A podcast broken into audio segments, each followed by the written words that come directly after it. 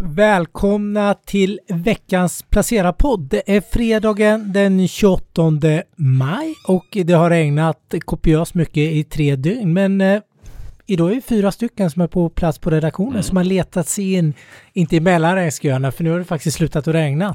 Eh, välkommen Karl Lantz, det var ett tag sedan vi sågs. Ja, jättekul att se dig igen. Och eh, Pekka Kent är vår stora makrostrateg. Kul att ha dig här, för idag ska vi prata lite inflation. Ja, det ska vi. Prata ut om inflationen. Prata, prata ut om inflationen. Prata, prata, ut om inflationen. Och sen har vi våran rookie. Du är inte rookie längre va? Du har ju varit här sedan årsskiftet. Ja, nästan. Vad blir det? Fyra månader? Fyra mm. månader plus. Jag vet inte när man går över från rookie till Det ska vara ett halvår junior. kanske va? Ett halvår från Ett halvår, sen okay. kommer det in i juniorlaget. Okej, okay, härligt. Ser fram emot det. Kul att ha dig här. Kul att vara här. Ja, eh. verkligen. På plats. Mm. Ni ser alla väldigt vackra ut. Och skäggiga. mm. Nej, jag tänkte rapportperioden är i sin eh, i slut, absoluta slutfas. Ja. Eller om den började. För att idag kom det en omvänd vinstvarning från Systemair. Ja, berätta. Vad är din Nej, take men på de det? Har, de har ju brutit räkenskapsår så att äh, så är det ju inte att det är en ny rapportperiod igen. Men äh, de, det är ett gott tecken i alla fall. Även om det är ett litet bolag och en, ett nischat bolag så, så är det ett gott tecken i alla fall. Vad säger de? Eh, jag har inte hunnit säga så mycket mer än att det var väldigt mycket bättre än, än uh, jämförelsesiffrorna och förra rapporten var väl lite sämre än väntat så att uh, de har säkert haft en hel del problem att komma ut till kunderna då med, under covid-perioden.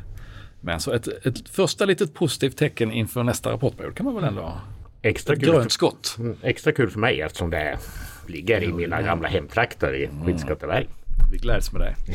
Tack. Men annars tycker jag det är ganska fortsatt stökig börs. Alltså med tanke på att det är ganska kraftiga svängningar. Det är ju upp och ner ganska mycket mellan enskilda dagar. Mm. Det är väldigt volatilt tycker jag också. Den har ju på något sätt, känner jag, den har ju fortsatt nu under, ändå är det en bra börsmånad maj. Jag vet att du pratade om det igår Pekka, ja, vad är din reflektion? Stökigare men, alltså, men... Det, det, har varit väldigt stökigt och som sagt var diskussionen eh, har ju gått hög kring amerikansk inflation bland annat. Så att eh, min, eh, min, min rygg, magkänsla heter det väl. Min magkänsla var att börsen var ner. Men eh, det är den ju inte utan den är ju upp. Ja, räknar vi in i dagens lilla lyft så blir det väl en och en halv procent upp ungefär. I Stockholm? Ja. Mm. Och det skulle man vara nöjd med i vilken månad som helst. Mm. Och då har det säkert gått lite utdelningar också så att kanske lite mer om man skulle justera för det till och med. Nej, jag, eh, nej, jag räknar inklusive utdelning. Okay.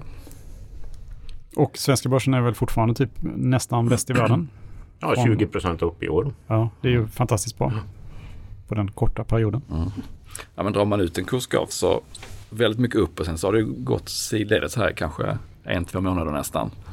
Så att eh, om, man, om man är lite optimistiskt lagd så kanske man kan se det som att det här är en rekyl i tid då istället för en rekyl i, i indexnedgång och att det skulle kunna ta en ny fart uppåt när, när och om man får en bekräftelse i nästa rapportperiod på att vinsterna faktiskt eh, är på väg uppåt på allvar så att, eh, så, att, så att börsen kan dras av vinstupprevideringar och inte bara multipeluppgångar. Det är vad jag hoppas på i alla fall. Ja, men det är alltid bra med, vad ska man säga, vinst, ha vinstrevideringstrenden i ryggen. För det är ju då kapar man ju lite, tar man bort lite av multipelexpansionen också. Ja, då finns det något att hålla i, mm. i, i en kurs eller i en allmän börsuppgång, inte bara att, uh, att värderingarna går upp. Ja, och värderingarna har ju gått upp. Du har pratat en del om det eh, tidigt att börsen är ju, den är inte jättebillig. Nej, den har ju varit högt värderad men eh, som sagt det har ju vinstmultiplarna, om man tittar på börserna som helhet i USA och Sverige, så har ju faktiskt gått ner lite grann i mars-april och nu troligtvis också i maj. Ja, mm. det, för det har väl ändå varit liksom, eh, vinstrevideringar uppåt. Mm. Så att jag tror att, men det är fortfarande högt i ett någon, någon sorts historiskt perspektiv. Det ligger väl på ja, runt 20 fortfarande. På P-talet? Ja, på P-talet. Mm. På framåtblickande? Ja, framåtblickande ett år. Mm.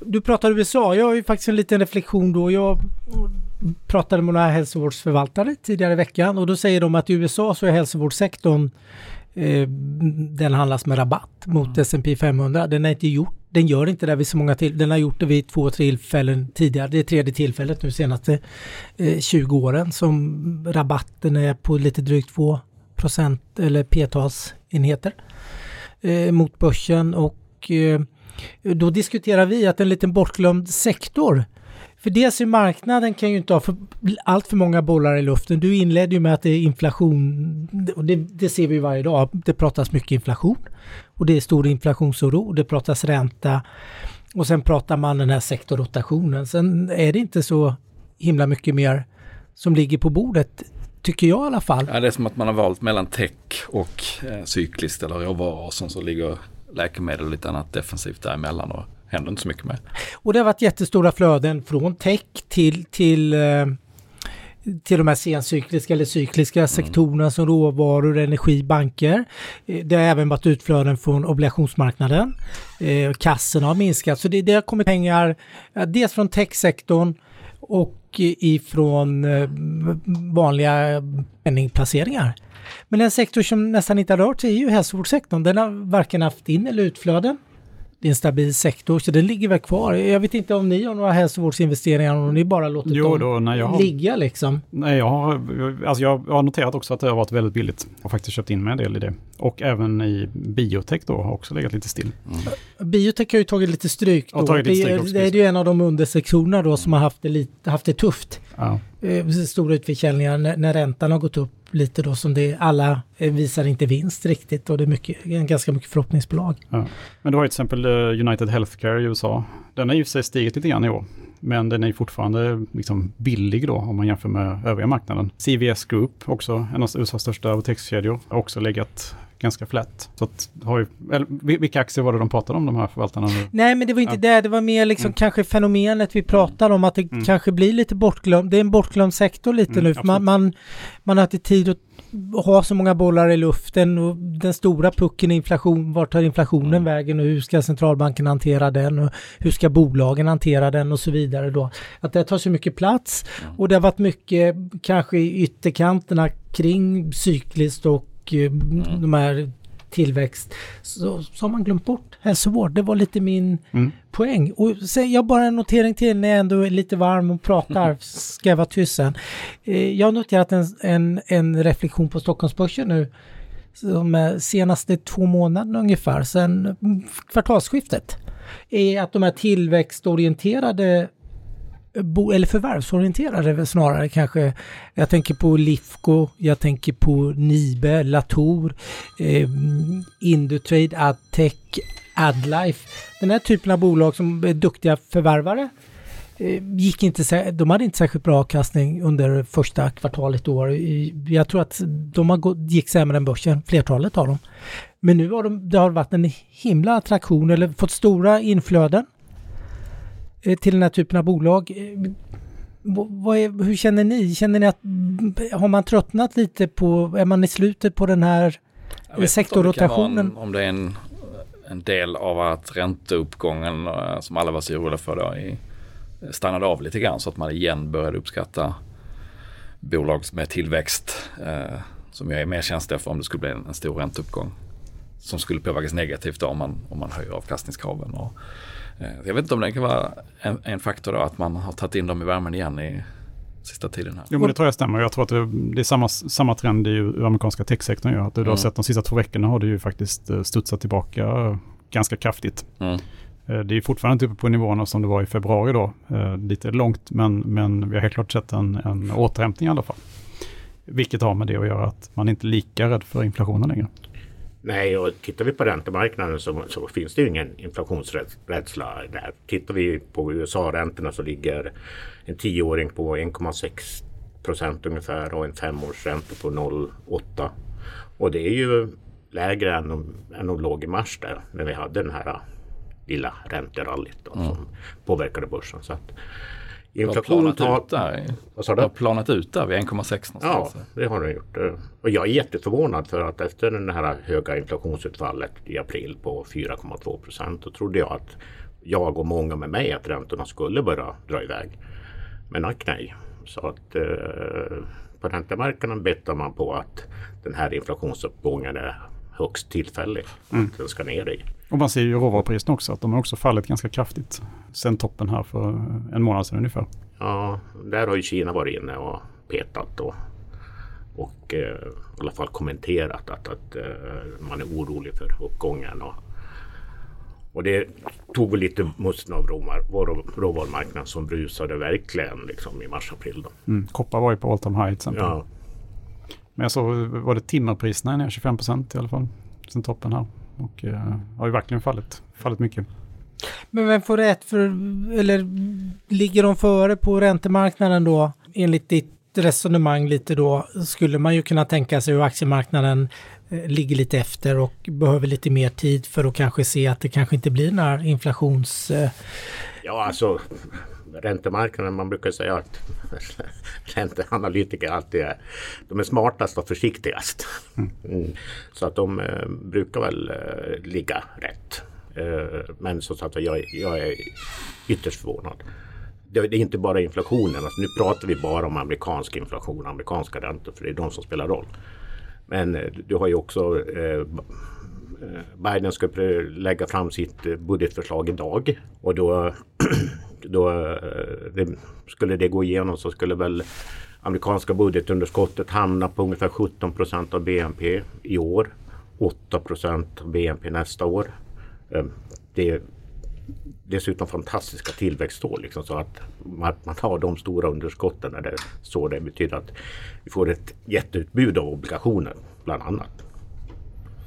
Och 2024 så kommer den amerikanska statsskulden som andel av BNP vara högre än den var efter andra världskriget. Mm. Lite att bita i tycker jag för räntemarknaden. Och hur hög var den då? Det kommer jag inte ihåg. Alltså, det satte du mig potta. Jag borde... Men hur betade man av den då? Man... Hur, hur fick man ner ja, skuld, det, skuldsättningen då? Ja, var, det var, var det tillväxt? och sen var det en fantastisk tillväxt ska vi komma ihåg. Eh, så det, det var ju framförallt tillväxten som tryckte ner. Och det vi hoppas på nu då, tio feta ja, år med Ja, precis, tio feta år. Men eh, som sagt var, det, det, vi får den här skulduppbyggnaden under två väldigt feta år. Då, så att det går åt fel håll. Men eh, på räntemarknaden tar man inte höjd vare sig för inflationen eller, eller en eh, stora emissioner av statspapper. I alla fall inte just nu.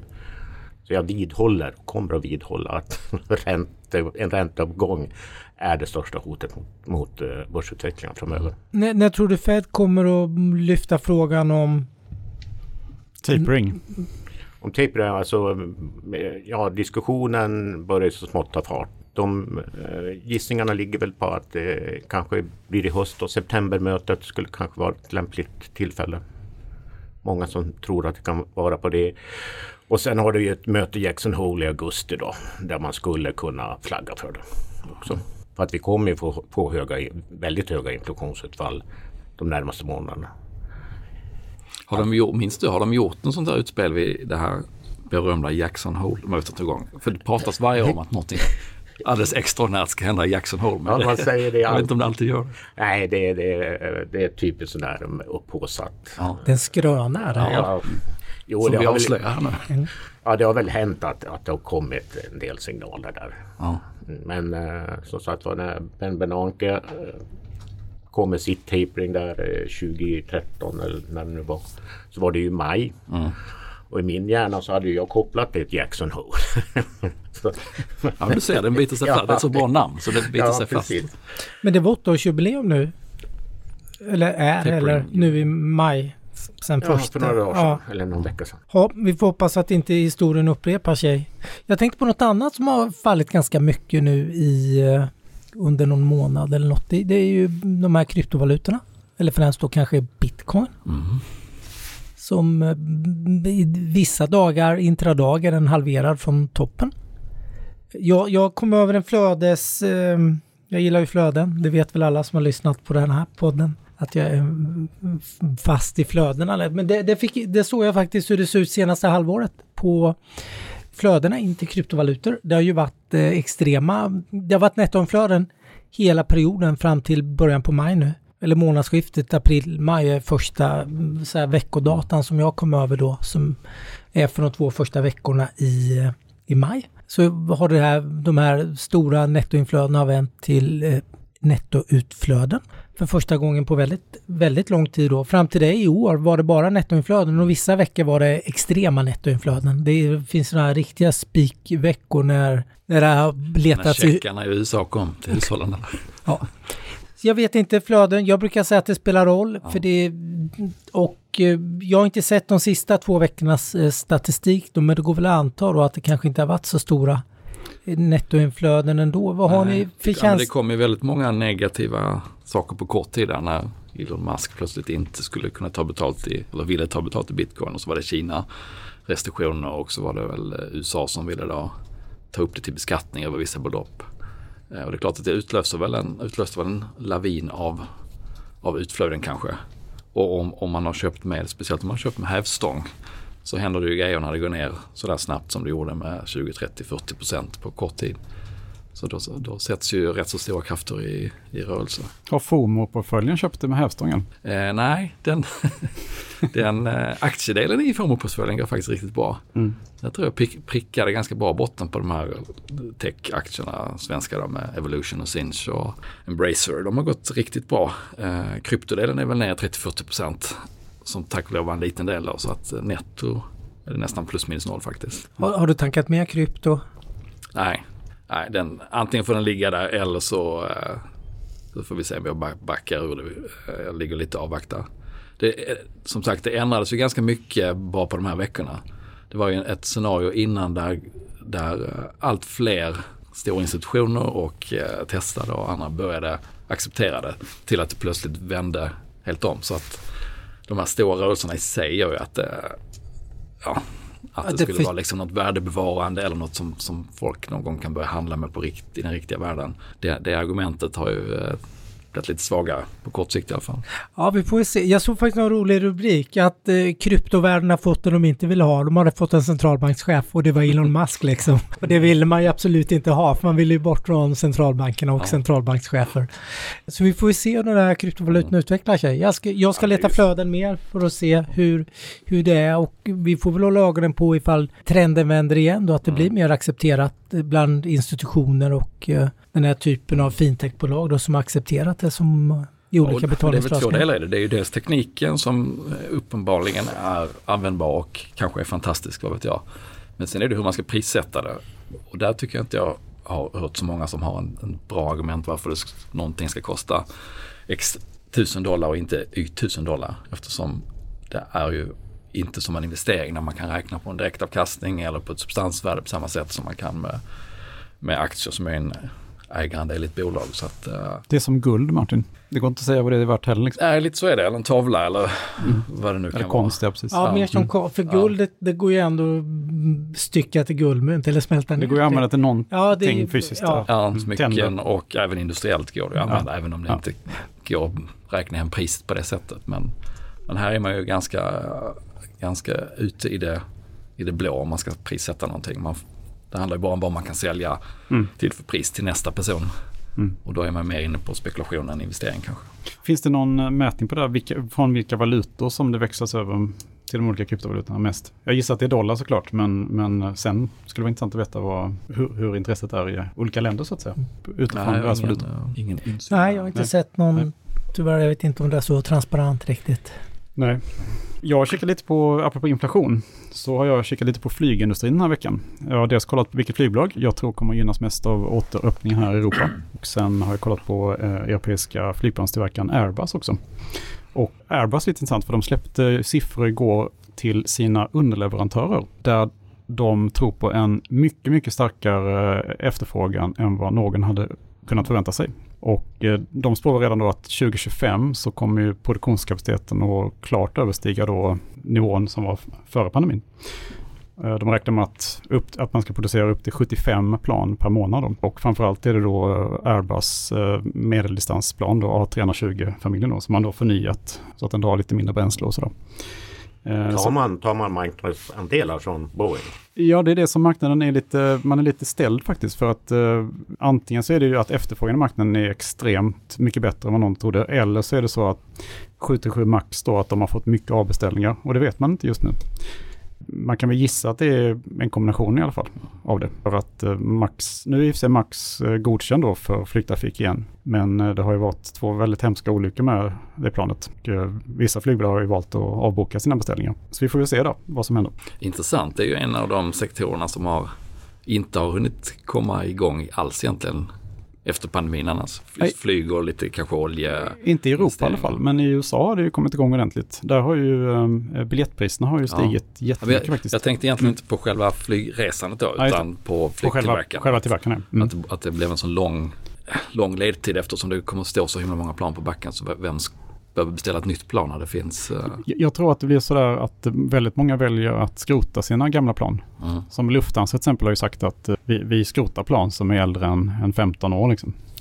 Uh, och det är ju just för att bränsleförbrukningen då är så mycket lägre i nya plan. Äntligen nämnde du Lufthansa. som jag har i portföljen. Ja. Flyger den bra?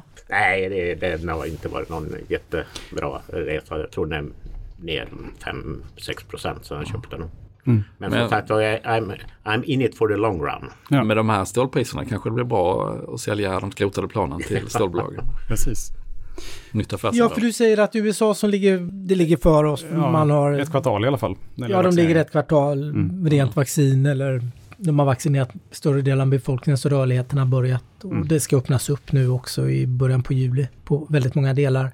Och där har man sett att efterfrågan har ökat betydligt, yes. som du säger, och att biljettpriserna har gått upp ganska mycket. Då. Jättemycket. Och det är ju lite så att det är också, jag menar det tar ju tid, alltså planen finns ju så att säga där, men piloter och personal och allt det där ska ju anställas igen. Så att det, det sker ju en fördröjning där. Om, om efterfrågan bara exploderar som en, som en gräsbrand liksom, så, så stiger priserna därefter också. Särskilt nu under semestersäsongen då. Så att eh, det är möjligt att Airbus kommer få rätt här. Att, eh, fast de ser ju då ytterligare stegad efterfrågan efter att det kommer nå förpandeminivån och sen fortsätta stiga kraftigt mm. efter det också. Det, det låter ju kanske lite väl optimistiskt då. Men eh, en annan spaning gjorde var att eh, om man är intresserad av flygbolag så att säga så det är många som har köpt Norwegians aktie men jag tycker att Ryanair ser betydligt intressantare ut. De har ju en historia då av att kunna mm, ha väldigt flexibel kostnadsbas och har ju faktiskt klarat sig igenom den här, den här enorma krisen som ingen hade räknat med står ju nu redo då att, att ta över mycket av eh, det som konkurrenterna då där de har misslyckats. Som till exempel ska de börja flyga inrikes i Sverige nu, Ryanair, från Arlanda här i höst. Så att de är ju direkt på hugget där det finns lägen då. Ja, det verkar ju som de kan flytta fram positionen då genom att flyga från om man får säga så, riktiga Finare flygplatser. flygplatser ja. Fin flygplatser, inte, ja. inte de som heter som en stad som ligger åtta mil bort. Utan, eh, Nej, precis. Och de kan säkert pressa priserna också när det gäller att flyga på, från Arlanda, mm. gissar jag. Nej, så de är väldigt, har varit väldigt skickliga och uh, kan nu dra förmodligen väldigt stor fördel också. Mm. Och särskilt då om vi då kan tänka oss att utvecklingen kommer bli som den är i USA just nu, att man kan ta betydligt mer betalt för sina flygbiljetter.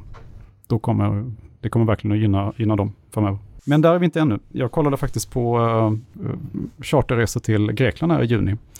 Och noterade att eh, det går ju att få enorma rabatterbjudanden. Så. så att det är den här bokningen, i alla fall från Sverige, har inte kommit igång ännu. Fastän vi har, vad är det, 40% drygt 40% vaccinerade än så länge. Så att eh, det är ett tag kvar. Lite avvaktan fortfarande då. Ja. Ja, nej, men alltså en del av det är väl att folk inte förstår, i alla fall inte jag, det här med vaccinpass och sånt där. Det verkar krångligt. Och det finns ju inte ännu heller. Nej, mm. precis. Så man, man avvaktar det också. Ja, precis. Du måste ju fortfarande göra ett PCR-test då, fram tills det här vaccinpasset finns i alla fall. Ja, men det ligger ganska nära till hands. Det ligger ganska nära i tiden då, det här att det kommer hända förmodligen. Jag har tre spaningar kring den svenska börsen i veckan. Eller händelser på svenska börsen. Är ni redo att lyssna? Mm. Yes, absolut. Fast, ja. Okej, spaning nummer ett. Uh, inträdesprovet på OMX S30 sker ju nu i maj. Man mäter ju senaste halvårets dagsomsättning då för att se om det kommer in några nya bolag i FIN-indexet. Uh, och, uh, jag skrev ändå lite tidigare att Sinch står och knackar på dörren. Men jag tog en titt här i veckan och de ligger då på plats 90 15 om man tittar ett halvår tillbaka nu. Och man måste vara på plats 15, 15 eller över. Ja, just det. Precis, det, det finns, liksom en en, finns en tröghet eller en tröskel mm. i systemet för att det inte ska bli för flaxigt. Eh, så plats 19 med en handelsdag kvar efter idag. Så att om inte, om inte handeln fullständigt exploderar på måndag, fullständigt exploderar, mm. så kommer de inte in nu. Men kanske vid nästa halvårs revidering. Spaning nummer två, börsens nya vd-skola Vet ni vilken det är? Scandi Standard. Nej, de, de har många andra, många andra strängar på sin lyra men inte att producera nya vd. Eh, Assa Abloy. Beijer Ref utsåg sin nya vd nu eh, som ska ersätta Per Bertland och han heter då Kristoffer Norby och kommer från Entrance eh, Solutions, Entrance Systems i Assa Abloy.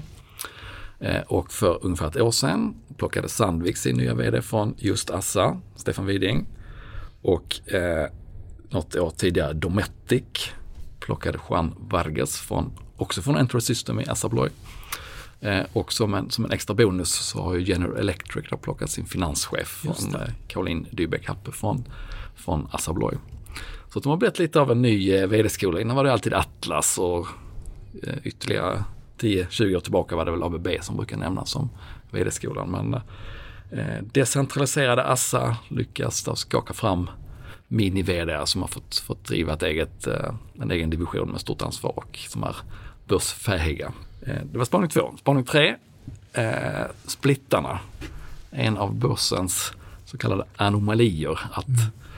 att eh, någonting ger överavkastning när det inte borde göra det. Så har vi nya prov på här i veckan. Eh, Nibe och Garo var det som splittade den här veckan och aktierna gick upp 5-6 procent den dagen splitten sker. Och det ska ju i teorin inte ha någon större effekt eller egentligen ingen effekt att man bara delar upp antalet aktier i fler eftersom man, man äger lika mycket av bolaget. Men många studier på många olika marknader har visat att eh, både på splittdagen och vid beskedet så, så blir det en liten överavkastning. Eh, och det är väl, man, man kan bara spekulera i skälen men att en signal om att man splittar aktien för att det har gått bra och man tror att det ska fortsätta upp som bolag. Det blir lite lättare för småsparare att handla och det kan bli lite högre omsättning i aktien. Eh, så att, eh, och det är, och det är vinnaraktier också. Det är ju det. Det finns ju en anledning varför de splittar sig. Precis, de är, mm. har ett bra momentum och, men det är också en signal om att man, man tror att det ska fortsätta. Eh, sen följer de tillbaka lite efter det men, men den anomalin verkar leva kvar. Och ska man då spekulera i vilka som kan vara nästkommande splittar, vilket kanske är det roligaste knorren på den här historien, så är det ju Evolution och Sinch som ligger högt upp, Astra, Autoliv, Atlas ligger faktiskt ganska högt upp också. Eh, och ja, det finns hela listan om man vill läsa på och placera. In och läs. Är det inte den här klassiken att du får, eh, du får ju mer aktier för pengarna? Liksom? Men du får ja. men du kolla. Du får ju fler aktier, det är ja, faktiskt fakta. Ja, men det, den där är läsvärd. Jag har ju faktiskt haft både Lifco och Nibe nu då som har, ja. som har splittat under, under ganska nyligen då och gått väldigt bra båda två då. Nibe var ju helt galen på ja. Eh, men sen backade den ganska kraftigt dagen efter, men sen har den kommit tillbaka. Men jag tänker på ett annat bolag då. Du pratar ju om bolag i tusen kronors klassen lite. Mm. Tungviktare. Eh, men om vi pratar riktiga tungviktare. Eh, du vet att Carl Lantz har handlat in ett bolag som jag ägt under några år nu som, som går lite sidledes emellanåt och det är ju Amazon. Amazon, mm. precis. Eh, den handlas ju då 3000... 3200 dollar. Ja, det är så skönt när du kan siffran, precis. I, I, dollar, värt att nämna då. Så den, där är det ju lite spekulationer nu om att man ska splitta den. Mm. Och det är därför lite jag har plockat in den. Dels att den har stått och stampat här sedan i juli faktiskt. Ingenting har fått den att varken stiga eller falla. Den är, eh, innehåller väldigt många intressanta delar. Den är billig i förhållande till marknaden. Och plus den här split-historien då ja. kan vara en trigger för Amazon. Mm. Om inte det andra hjälper så att säga. Timingmässigt är det ju inte fel att tänka så. Om man ska, alltså om, om, utöver allt det andra, om man någon ska välja timing så kan man lika bra välja när man tror att det kan vara en split på gång. Ja, det är också att uh, om den ska komma med i uh, DAO så mm. behöver den splittas. Ja, det måste den definitivt. Mm. Det är väl liksom den stora, jag tror det är där de sitter och brottas med den indexkommittén. Det är att det inte går att plocka in den här rackaren liksom, för den förstör allt. Ja. Amazon köpte själv dessutom här i veckan MGM. Jens Bond-filmerna. Ytterligare en, mm. Jens Bond-filmer. Ytterligare ett media... Jens Bond-fan. ja, verkligen. Ja, men de lägger till, kriget tättar upp. Mm. Alla vill ha content utom telekombolagen som inte vill ha det längre. Då. Ja, vi får se hur det går med... Jag tror att Nvidia ska göra en... Ja, de ska också göra en split. De ska göra en split och där är ju du och jag inne. Ja, det är vi. Mm. Vi gläds. Får vi se. Det är någon gång i sommar tror jag den mm. splitten sker. Och de ligger ju på 600 dollar ja. ungefär aktien nu. Och det är klart, det blir ju... Det blir ju lite grann för en småsparare. Det blir inte så många aktier. Sen kan man ju handla andelar av aktier hos vissa mäklare nu med. Så Men det brukar vara lite dyrare. effekt, ja, Någon ska väl skära. effekten Mm. Borde inte vara så stor som den faktiskt är. Ja, vi får hålla ögonen på Nvidia och på, det vet ju, den, den är ju klar, men på Amazonen här hur den hur det utvecklas. Det är spännande att se faktiskt. Har du gjort något annat Pekka? Du pratar ju om Lufthansa. jag sitter ju här och är rädd för ränteuppgången Men blir det inte en dansar nära utgången. Nej då, jag, Dansa ensam nära utgång. Svänger, svänger dina lurviga. ja precis. Nej, men jag är mycket... Jag tror ju fortfarande på Europa. Jag har ju köpt eh, ETF på Östeuropa som, jag, som har gått bra nu. Väldigt bra ett tag. Men som sagt jag, jag är lite vid sidlinjen. Jag spanar och spanar och spanar och hittar väl inget riktigt sådär som jag hugger på. Jag är inte en som chansar på egentligen. Men ditt Europakoll har varit bra. Vi har sett nu och summerar det senaste halvåret och då är faktiskt brett Europa-index har gått eh, ganska mycket bättre än, än S&P 500-index då. Och det hör ju inte till vanligheten. Men då har vi ju Stockholm som har gått ännu bättre. Så det är, eh, man ser den tydliga lite värde, värdetilten här hur det har fått europeiska aktier och, och eh, gå, gå väldigt bra. Östeuropa har inte följt lika mycket. Jag vet bara att Turkiet har gått dåligt där som är en stor del normalt i Östeuropa-fonder då. Men det de övriga länderna har säkert gått bra då som du Det är väl för att de drabbas av råvaruuppgången va? Ganska kraftigt. De har ju, saknar ju råvaror i princip. i Turkiet. Ja, eller Ja. de drabbas av extra och av det sen också. så av att- mm. vanlig det här centralbanksbyte. Ja, precis. central- Ja, och mm, plus politisk... Ja, den politiska problem. risken har ju... Ja, jag, nu har jag inte kollat den senaste dagarna men Kazakstanbörsen är väl eh, topp i världen i princip. Det är ju råvarorna precis. Ja. Det kan man köpa. Men när vi kollade det var mycket annat också som eh, inte bara råvaror utan det var ju mycket internationella bolag som var listade där. Konstigt nog. Okej, det brukar alltid vara någon sån här Coca-Cola har någon lokal listning och sånt där. Mm. Mm, precis. Och Nestlé kan finnas och sådär. Vet jag inte om de finns just där men...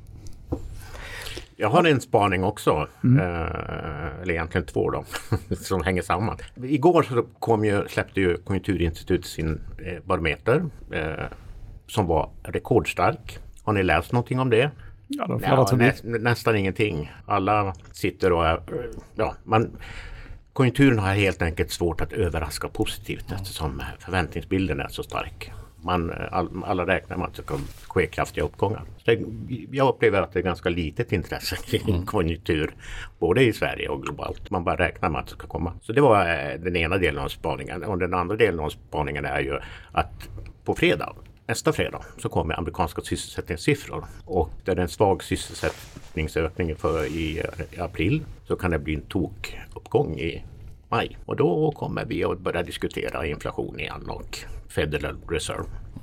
Så den siffran vill jag ha så. Hålla ögonen öppna Ja, på den det. får vi väl diskutera.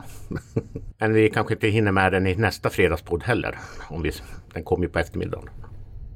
Vi snackar upp inför den. Jag har, bara, Piska upp stämningen jag har bara en sista kommentar på dina spaningar Pekka, som jag tänker på det här inflationsspöket eller den. Jag träffade Erik, Erik Sprinkorn, eh, som är en väldigt duktig investerare inom innovationsbolag, mycket, mycket tillväxt. Då. Men då vi, vi hade en diskussion och han visade mig data hur stor liksom, teknikandelen är av amerikansk BNP. Den har, den har ju växt väldigt kraftigt de senaste 30 åren. De senaste 10 åren har teknikandelen av BNP fördubblat sig. Åren innan det så var den 50, var det 50 procent, liksom tog den 50 procent. Och nu har den ju tagit fart jättemycket nu i och med corona nu sista året då. Och där menade vi lite, det är deflationistiskt. För det, du, det, allt det du pratar om som jag har lärt mig av dig, det är produktiviteten. Den är viktig för att driva BNP och tillväxt. Och med produktivitet så får du ofta förbättringar och eh, det gör att lönerna som du säger är kanske den med, som driver inflationen mest eh, hålls tillbaka för att produktivitetshöjningarna är så bra då. Med, med ett större digitalt innehåll eller robotisering av industrin, e-handel och allt det här så är, så är det en stor anti inflations... Den håller tillbaka inflationen och tesen är att det kanske den gör det på längre sikt att inflationen inte kommer att bli så hög som man tror nu? Ja, nej, men jag tycker det är jätteintressant. Eh, för vi har haft en fallande produktivitet i eh, västvärlden de senaste tio åren. Så här trendmässig nedgång. Och kanske kan den här postpandemi eh, ekonomin vara innebära en högre produktivitet. Det vore ju fantastiskt. För att det är ju någonting man verkligen behöver. Och då kan man ju både så att säga, ha låga räntor och försvara en hög börsvärdering och högre vinster.